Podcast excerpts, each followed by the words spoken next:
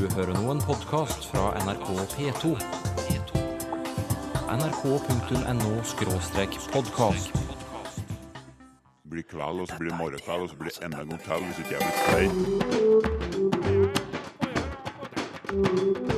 stein.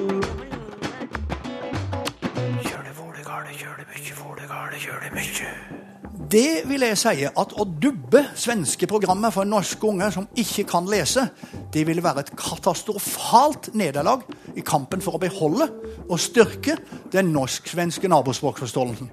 Eh, barnen fatter vel kanskje ikke hva som er den store skillnaden mellom norsk dialekt og, og svensk når de er små, utan det er vi som lærer om det. Det er sikkert ikke noe overraskelse, men det er klart at mitt viktigste ansvar for språkformidling er det norske språket. Men Pippi, har du ingen mamma og pappa? Inte det minste. Barne-TV-klassikeren Pippi Langstrømpe med svensk tale på norsk TV. Samtidig er det andre skandinaviske serier som får norske stemmer. Barna i Bakkebygrenda, Her jul blir vi bedt i juleselskap. Til at tante Jenny. eller Den danske pakten. Hvor tror du ertenissene bor? Hvis du ikke kommer bort i friminuttet, skal jeg fortelle deg én ting til. Ok. Det fins ikke ertnisser. Populære serier med norsk tale. Men gjør vi barna en bjørnetjeneste når vi dubber i stedet for å tekste? Ifølge foreningen Norden forstår dagens unge skandinaver hverandre dårligere enn før, og den store skandinaviske medieundersøkelsen 2012 viste at det gjelder de voksne også. Så med disse poengene i bakhodet besøker vi det årlige nordiske språkmøtet, som denne gangen fant sted i Oslo. gammalt. För att det er jo en rett gammel oppfinning, Så det kan hete på svenska både dragkjede og blikslås. Og heter det lynlås på norska? Nei, glidelås. Glidelås, ja. ja. Og lynlås på danska. Ja, ja, just det. Ja. Litt utveksling av terminologi over kaffekoppen. Det er pause, og deltakerne på det nordiske språkmøtet prater om løst og fast, men også om årets tema, TV-teksting i Norden. Hva betyr teksting for nabospråksforståelsen, spesielt hos barn og unge? Dessverre påstår man jo rundt omkring at jamen, jeg kan ikke forstå svensk, jeg kan ikke forstå norsk, og, og nordmenn og svensker sier ja, det er så svært å forstå dansk. Amalie Foss tekster TV-programmer i Danmark. Og når danskene sier de ikke forstår nabospråkene, så tror hun ikke helt på det. Jeg tror ikke det er så svært. Jeg tror at man tror det er svært. Øh, og der er for litt, øh, er for litt kontakt. Øh, da jeg gikk i skole, så var det seks uker med svensk, tror jeg, i 10. klasse. Det var øh, altså begredelig øh, litt. Og nå er det visst slett ingenting. Eller i hvert fall enda mindre. Øhm, og, og det krever jo altså man, man, man skal jo ikke lære seg svensk eller lære seg norsk eller lære seg dansk. Man skal liksom befinde seg i det. Og så går det opp for en hvor ens språkene er. Jeg mener, For 200-300 år siden var det jo samme språk. Øhm, og så er språkene ens, og man skal sånn sett ikke lære dem, man skal bare øh, suge dem til seg. Og så plutselig forstår man. Og det tar ikke mer enn noen uker. Så, så går det opp for en at man har ikke øh, 9 millioner, eller 7 millioner, eller 5 millioner man kan tale med, man har 20 millioner man kan tale med. Eller hvor meget, nu er jeg ikke så god til tal. men altså, så kan man tale med hele Skandinavien. Det er jo en kæmpe fordel. Danske fjernsynsseere har mulighet til å se norsk og svensk TV. Men inntil for et par år siden var ikke disse kanalene tekstet. Nå får programmene danske tekster, forteller Amalie Foss. Så, så det tror jeg har vært en, en stor hjelp. Og de, jeg tror også at tallene viser at de har fått tusenvis av nye seere. Men øh, dessverre er det meget få som ser øh, svensk og norsk TV i Danmark. Øhm, og øh, jeg syns det er en skam. Jeg, jeg ser alt hva jeg kan. jeg syns det er et fantastisk innblikk man får serveret øh, ganske gratis i hva der foregår i nabolandene. At forstå en kulturs sprog øh, er en forutsetning for oss å kunne forstå en kultur. Og TV er det beste mediet for språkformidling, mener Hans Christian Christiansen fra Copydan Verdens-TV. Christiansen arbeider bl.a. med å formidle hvordan fjernsyn kan brukes i undervisning. Uh, vi har tendens til å frasortere uh, lande, hvis språk uh, er oss fremmedartet. Øh, og øh, at vi har sådan et nært sammenhold i de nordiske lande, er jo blandt andet funderet i, at det i virkeligheden bare er en stor dialekt. At vi sådan set har let ved at forstå hinanden. Men det er under udfordring, fordi vi for eksempel i Danmark meget kun ser øh, amerikansk og engelsk tv, så får vi sværere og sværere ved at hurtigt forstå norsk og svensk. Du sa at uh, teksting på TV kan virke bedre for språkforståelsen enn en lærebok i det samme språket. Hva legger du i det, egentlig? Øh, øh, sprog er jo ikke kun grammatikk og syntaks. Det er også at vi kan se dem der taler. Det er spørsmål om intonasjon, det er spørsmål om gestikk, det er spørsmål om mimikk. Uh, og det kan man selvfølgelig ikke se her på radio, uh, men når man ser det på TV, der kan man se hvordan folk er i sproget. Og det lærer man altså i meget høj grad ved at se TV. Det kan man ikke lære av en lærebok. Øh, alle de interpersonelle relationer som ligger i øh, at man kan se en der taler, det forsvinner i lærebogen. Og der er TV fremragende til å formidle nettopp den del av språkforståelse. Samtidig er det en del myter knyttet til TV-teksting, sier Kristiansen. Både TV og språk og tekster er noe som er et følsomt område. Øh, der er mange holdninger og fordomme og myter knyttet til hvordan vi forstår TV-tekster. Øh, og det har noe å gjøre med medievaner. Øh, I Danmark kan vi nesten ikke holde ut og tenke på at film skal dobbes. Der vil vi gerne ha det autentiske udtryk. Men det er et spørsmål om tilvænning, det er et spørsmål om vane. Øh, I Frankrig kan man ikke holde ut og tænke på at ting skal tekstes. Der kan man ikke holde ut og tænke på at man skal læse de her svære undertekster. Det øh, mener de er mentalt krævende. Men sånn forholder det seg i virkeligheten ikke. Det er bare et spørsmål om tilvænning og vane. Ja, Hvordan forholder det seg, da? Det forholder seg sånn at man faktisk læser TV-tekster på TV og på film meget let, meget automatisk. I virkeligheten tænker man slet ikke over det når man er vant til det. Det foregår fuldstændig simultant. Man gjør det i en samtidig bevægelse, og derfor er det slett ikke krævende på noen måte. Jeg tror det er meget vigtigt å ha teksten. Også fordi hvad jeg har sagt før med at vi skal øh, ha kendskab til fremmedsprog i Island for å kommunikere med omverdenen. Viktig for islendinger å kunne forstå de skandinaviske språkene, mener Anna Sigridur Thrauinsdottir, språkkonsulent hos den islandske allmennkringkasteren ROV. De dubber for de minste, men tekster nordiske TV-programmer rettet mot tiåringer og eldre. Thrauinsdottir trekker fram internasjonal forskning på feltet TV-teksting. Ja, uh, disse forskninger viser at man kan styrke ordforråden uh, ved å uh, lytte på fremmedspråk og lese tekst på samme tid. Og, men det har ikke en stor effekt på grammatikken. Men også har noen pekt ut at det er også viktig å få noen ordforråd før man kan lære grammatikken. Så kanskje er det en positiv ting at man lese mye tekst og høre mye fremmedspråk. Og så kan man få grammatikken noen andre steder. Og så finnes det en hyggelig bivirkning av å lese TV-tekster. En kollega av Thrauinsdottir har nemlig satt opp et lite regnestykke. Det er en uh, forsker i medieavdelingen som har uh, funnet ut at en tekstet film den tar omkring 15 skrivede sider av tekst. Og så har han funnet ut av at hvis man ser på TV eh, noen timer om, om, dagen, så vil man, har vi lest tekst det svarer til kanskje ti romaner. Og det tror jeg er meget, eh, godt. Fordi vi tror at mange leser ikke så mye mer. Men hvis man leser omkring ti samsvarende til ti romaner av, av TV-tekst, så er det jo ikke så en dårlig situasjon. Tekstmengde tilsvarende ti romaner i året. En ekstra bonus ved å se fjernsyn med undertekster, fortalte Anna Sigridur Thrauensdottir. Hører dere? Ja. Um, da har jeg gleden av å skulle ønske velkommen Arne Torp professor Kaffepausen er over, og inne i auditoriet venter språkprofessor Arne Torp, som bl.a. stiller spørsmålstegn ved norsk tekstepraksis på TV. Hvis NRK eller andre kanaler aner at dette er en utlending, så må det tekstes. For det skal ikke vi i Norge utsettes for.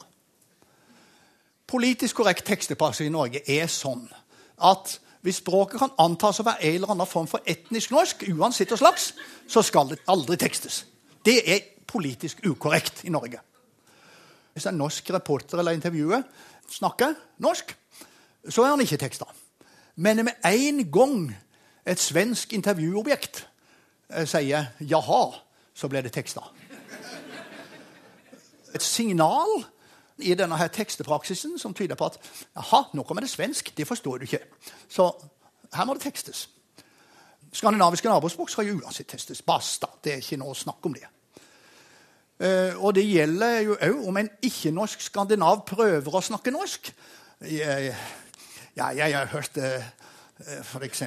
dansker som prøver å snakke norsk, og de, de, gjør ganske hederlige forsøk. Og jeg tror ikke noen har problemer med å forstå dem. Men jo da, tekster skal det. Ja, ja, ja, ja, ja. Arne Torp minner oss også på hva det kan bety for språkforståelsen å høre et annet talemål på TV, også uten teksting. Stikkordet er svenskeantenne. Nordmennenes suverene svenskkunnskaper er òg delvis et massemedieprodukt. Svenskeantennene står det som et stikkord der. Det var et fenomen som eh, dukka opp her eh, på Østlandet, nær svenskegrensa altså, da eh, Sverige hadde et utbygd fjernsynsnett, og på Norge så var det litt mer stusslig. Eh, så var det noen som rigga seg til med en sånn ekstra svære antenne, sånn rene kråkereirer på huset. Og så tok de inn eh, Sveriges Radio, TV1 og to. Og det førte til at alle selvfølgelig, nordmennene på Østlandet i alderen ja, anslagsvis 25-50 år, har vokst opp med svensk barne-TV. Der var det Pippi, og der var Emil osv. Og, så og det var selvfølgelig ikke tekster, for det var jo svensk fjernsyn. Eh, mine døtre, som altså er i alderen 25-50 år, de er kjempegode i svensk, begge to. Det vil jeg si at å dubbe svenske programmer for norske unger som ikke kan lese, det ville være et katastrofalt nederlag i kampen for å beholde og styrke den norsk-svenske nabospråkforståelsen. Den er god i dag, og jeg er redd for at den kan bli dårligere hvis en går inn for det der. Og med den avsluttende salutten fra språkprofessor Arne Torp ved Universitetet i Oslo, så passer det kanskje å ta debatten? Takk for å bli invitert. Jeg føler litt at det kommer litt inn i løvens hule. Det var etterlyst noen beslutningstagere i stad. Og Nils Stokke, redaktør for barnekanalen NRK Super, er en av dem som bestemmer. Bestemmer bl.a. hvilke programmer som skal dubbes, og hvilke som skal tekstes. Vi i NRK har alltid dubbet eller lagt norske stemmer på utenlandske barneserier. Når målgruppen vår er to til tolv år, så vet vi at veldig mange av de kan ikke lese, og enda flere leser dårlig. Så tekst er i mange tilfeller et ikke fullgodt alternativ eh, for de seriene. Det å dubbe gir altså bedre forståelse. Et enkelt eksempel. Hvis vi har et bilde av en jente Ingrid husker altså Jeg vet ikke hva det heter på svensk og dansk, men leker ute. Hvis vi ser at Ingrid husker, og stemmen sier Ingrid husker. Da er det greit, da er det samsvar mellom lyd og bilde. Hvis stemmen sier 'i dag er Ingrid lei seg', så trenger du den forståelsen for å forstå hvordan Ingrid oppfører seg senere i episoden. Eh, og når de da ikke kan lese eller lese dårlig og ikke får med seg at Ingrid er lei seg, så, så gir det en dårlig forståelse av helheten. Det er et banalt bilde, men det er reelt. NRK Super har aldri sendt mer nordisk innhold enn de gjør nå, og dermed har mengden tekstet originalspråk økt, men det har også blitt flere dubbede programmer, forteller Nils Stokke, og det er dette siste, dubbingen, som skaper bekymring hos nordistene. Altså, jeg er bekymret for den trenden som vi synes å se hos public service-selskapene. Olemic Thommessen fra Høyre er styreleder i Foreningen Norden. Tidligere år sa foreningen nei til dubbing av TV-programmer med skandinavisk talespråk. All kunnskap vi har om dubbing, forteller oss at jo mer dubbing, jo mindre språkkunnskap og jo mindre språkforståelse. Og den store utfordringen i forhold til å snu trenden i den skandinaviske språkforståelsen, som er dessverre er fallende, ja, det handler jo om trening. Det handler om hvor mange steder og i hvilke sammenhenger vi møter de andre språkene, og i hvilken grad vi venner oss til å lytte til dem. Og hvis, du, hvis man velger en trend som handler om å gjøre stoffet enkelt for publikum, altså, og hvor dubbing er en del av det bildet, ja, så arbeider man seg bort fra å skape fellesarenaer for språk. Felles språklige rom på tvers av landegrensene. Thommessen er ikke enig i at vi må dubbe for de yngste TV-seerne. Om du som fireåring sitter og lytter til svensk og ikke skjønner så mye, så er jeg ikke så sikker på om det gjør noe. Jeg tror faktisk at man får, For det første så tror jeg de får med seg overraskende mye mer enn hva vi vil gjøre. Og for det andre tror jeg at man er, en, man er i en epoke i livet der man er vant til ikke å skjønne hvert eneste ord, og der man tilpasser seg det. Og der man har en stor læringsevne, for, hvor nettopp det er en del av læringen. Også av eget morsmål. Så I oppveksten når man er bitte liten, så sitter man og lytter til en masse man ikke skjønner. og Etter hvert så sorterer man det. Det er sikkert ikke noen overraskelse, men det er klart at mitt viktigste ansvar for språkformidling er det norske språket. Språk er kanskje noe av det viktigste vi lærer eh, norske barn. Det betyr også å ta hensyn til det norske språkmangfoldet, sier Nils Stokke. Derfor skal det dubbes på ulike dialekter. Vi tror at når barn hører andre som snakker som dem, så ser de at de barna er viktige. Da er jeg viktig. Det er grunntanken i Super. Eh, derfor eh, har vi krevd, tvunget, hva som helst, eh, dubbingfirmaene til å bruke mye dialekt, både blant barn og voksenstemmer, og ulike dialekter i samme serie. Det vil si at du kan ha en serie hvor moren er fra Tromsø, faren er fra Bergen, læreren er fra Hamar, og bestevenninnen er fra Fredrikstad. For det er sånn hverdagen til norske barn er. Hvis vi tar, tar fatt i akkurat det her med dialektvariasjon det er Bodil Aurstad, leder i Nordisk språkkoordinasjon, som kaster inn et spørsmål. Du nevner Tromsø, du nevner Bergen, Hamar, Stavanger. Det er jo lydlig sett, kanskje også hvis man virkelig går uh, hardcore til verks med dialekter, også på ordnivå, ganske store forskjeller der. Hva er det som gjør at barn, norske barn tåler dialektvarianter som er såpass forskjellige, mens de ikke tåler svensk? Det er jo to, ulike, to ulike språk. Uh, og jeg tror nok norske barn er mer uh, uh, Hører og opplever mer vestlandsk eller nordnorsk enn de gjør av skånsk. og vi har et viktigere ansvar for norsk språk og norsk kultur enn nordisk. Vi har et veldig viktig nordisk ansvar, men det norske er viktigere. Mener NRK supersjef Nils Stokke, som jo innledet med å si at han hadde kommet til løvens hule. Og selv om ingen i salen akkurat setter tennene i ham, til det er de nok fordannet, så er det heller ingen som sier høyt at de støtter argumentene hans for dubbing av skandinaviske barneprogrammer. Tvert imot. Jeg ønsker at man skulle våge sende program i NRK og, og Sveriges motsvarighet i Sverige og Danmark på originalspråket for små barn. For det är, det är då de som, är som mest receptiva. Jag tror som sagt var, man behöver inte vara så rädd för att de inte förstår allt. Ni är inte rädda för att barnen inte ska förstå, utan ni är rädda för att föräldrar ska reagera och ringa ner er klagomur, eller hur? Det vill säga, det ringer två personer och då är det en folkstorm, som det heter på svenska. En liten stikkpille fra Birgitta Lindgren, svensk språkråd, før Olemic Thommessen bringer et nytt poeng inn i debatten. Originalspråket som en del av kunstopplevelsen, også for barn. I opplevelsen av Pippi Langstrømpe og Emilie Lømneberget, for å bruke to syns jeg ganske nære eksempler, så vil jeg hevde at uh, opplevelsen av uh, verket altså respekt, det kunstneriske respekten for verket, også har en språklig dimensjon. Altså, Astrid Lindgren er en av verdenshistoriens største forfattere for barn. Um, vi ligger så nært hennes språk at vi faktisk kan annamme den litteraturen på originalspråket. Så velger man altså da 'Barna i Bakkebyggrenda' av samme forfatter. Um, og da spør jeg deg ut fra en rent kunstnerisk betraktning er ikke det litt dårlig gjort, eller respektløst gjort, at man da velger å fjerne oss fra originalspråket i en sentral tekst som dette er i hennes forfatterskap, uh, istedenfor å forsøke å formidle de kvalitetene som, uh, som hun da står for, og som dette verket står for? Jeg er helt enig i at å høre et Astrid Lindgren-verk på svensk bidrar til den totalforståelsen. Helt, helt enig. Så vil jeg nok si at hvis du mister mye av det verbale, og ikke får med deg uh, hovedhandlingen, uh, så reduserer du en del av opplevelsen, og så må det veies.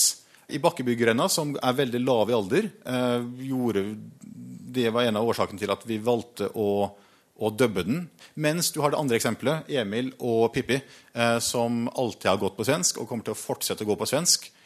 Også selvsagt som en del av den total, totalansvaret vi har for å formidle nordisk kulturarv. Der forlater vi diskusjonen i auditoriet.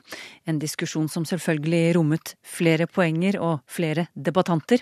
Men en som ikke hevet stemmen der inne, er Rikard Domey fra det svenske Språkrådet. Nå, her ute på gangen, lufter han noen tanker han gjorde seg under debatten. Blant annet om synet på dubbing kontra teksting av Astrid Lindgrens historier. Ja, nej, jag tycker väl att, att, att, det är lite konstigt bara att, att någon som är en, inget ont om Astrid Lindgren, hon, hon är jättebra sådär, men att eh, en sån person ska undantas från eh, vad ska säga, grundregeln då som eh, NRK verkar an, använda när det gäller dubbning. Att man dubbar för att göra begripligt. Men när det gäller Astrid Lindgren då går eh, de finkulturella eh, argumenten före och jag misstänker att att det der er vel mest for at man vet at folk blir opprørte om, om man eh, dubbar Astrid Lindgren. For de fleste i Norge har med seg det der fra barndomen og har hørt det på svensk, og det skal fortsette å være så. Men som princip er det veldig rart. Hvordan vet man vem som kommer å bli neste Astrid Lindgren? Och när den personen då har nått den här finkulturella statusen som, som någon slags kulturell ikon, ska man då sluta dubba och börja texta? Det, det är en väldigt konstig princip egentligen tycker jag. Og så hadde du en reaksjon, det ble kastet fram her, at hvorfor tekster man aldri norske dialekter, men tekster konsekvent f.eks. all svensk? Hva slags betraktning har du rundt akkurat den, det argumentet? Ja, det, det, var ju också att man ifrån gick den här begriplighetsprincipen eh, som, som, man verkar ha som grund. Eh, man, man, dubbar för att göra det begripligt. Men, men, i det här fallet kan ju den norska dialekten vara mer obegriplig än eh, rikssvenskan. Och då borde man ju i så fall texta den norska dialekten och inte rikssvenskan. Men det visar ju att man tänker mera på ett nationellt sätt, nå, någon slags eh, den egna nationens kultur och språk är viktigare än, än andra. Och det är förståeligt, men lite synd. Man, man kunde hoppas att man tänkte mera på att vi i Norden har ju samma språk och förstår varandra ganska bra och uppfostrar barnen på det sättet. För det är ju någon slags kulturell fostran egentligen. Eh, barnen fattar väl kanske inte vad som är den stora skillnaden mellan norsk dialekt och, och svenska när de är små, utan det är vi som lär dem det. Det er vi voksne som lærer barna at svensk ikke er en dialekt, men et annet språk, mener Rikard Domey. Og i forlengelsen av det poenget, her kommer en liten historie fra salen, fra Mikael Reuter, finlandsk-svensk språkviter. Min blivande hustru jeg besøkte Nord-Norge 1970 någonting, början 1970-tallet og kom opp til en bondgård der, der vi slog vårt telt, og träffade barnen på kvällen. Hadde en, ikke så lang, men i hvert fall en, en diskusjon med barnen i disse, denne nordnorske landsby. Dagen derpå treffer vi foreldrene og berättade at vi kommer fra Finland. Og de var veldig förvånade. For de sa de hadde spurt sine barn Er det nordmenn? Ja, det er nordmenn. De snakker norsk. Og da taler vi altså ren finlandssvenska med de her barna. Så det, her, det, det eh, viser altså hvor man i Norge med store, de store dialektskillnadene er beredt på det her. Altså det handler om en, en, beredskap. At man finner det naturlig at man skal forstå. Jeg tror at, at uh, hos barn uh, så fins ikke de her fordommene. Og om man da det uh, spille utover både alle, alle våre länder med program på grannspråken, så tror jeg det skulle fungere. Mente den finlandssvenske språkviteren Mikael Reuter. Enda en stemme som talte varmt for å la barna høre nabospråk på barne-TV. Blant filologer, tekstere, språkforskere, lærere og andre deltakere på det årlige nordiske språkmøtet, så var det bare sjefen for NRK Super som mente, høyt iallfall, at av og til er det best for barna at skandinaviske TV-serier blir dubbet. For øvrig et syn NRK deler med andre nordiske allmennkringkastere.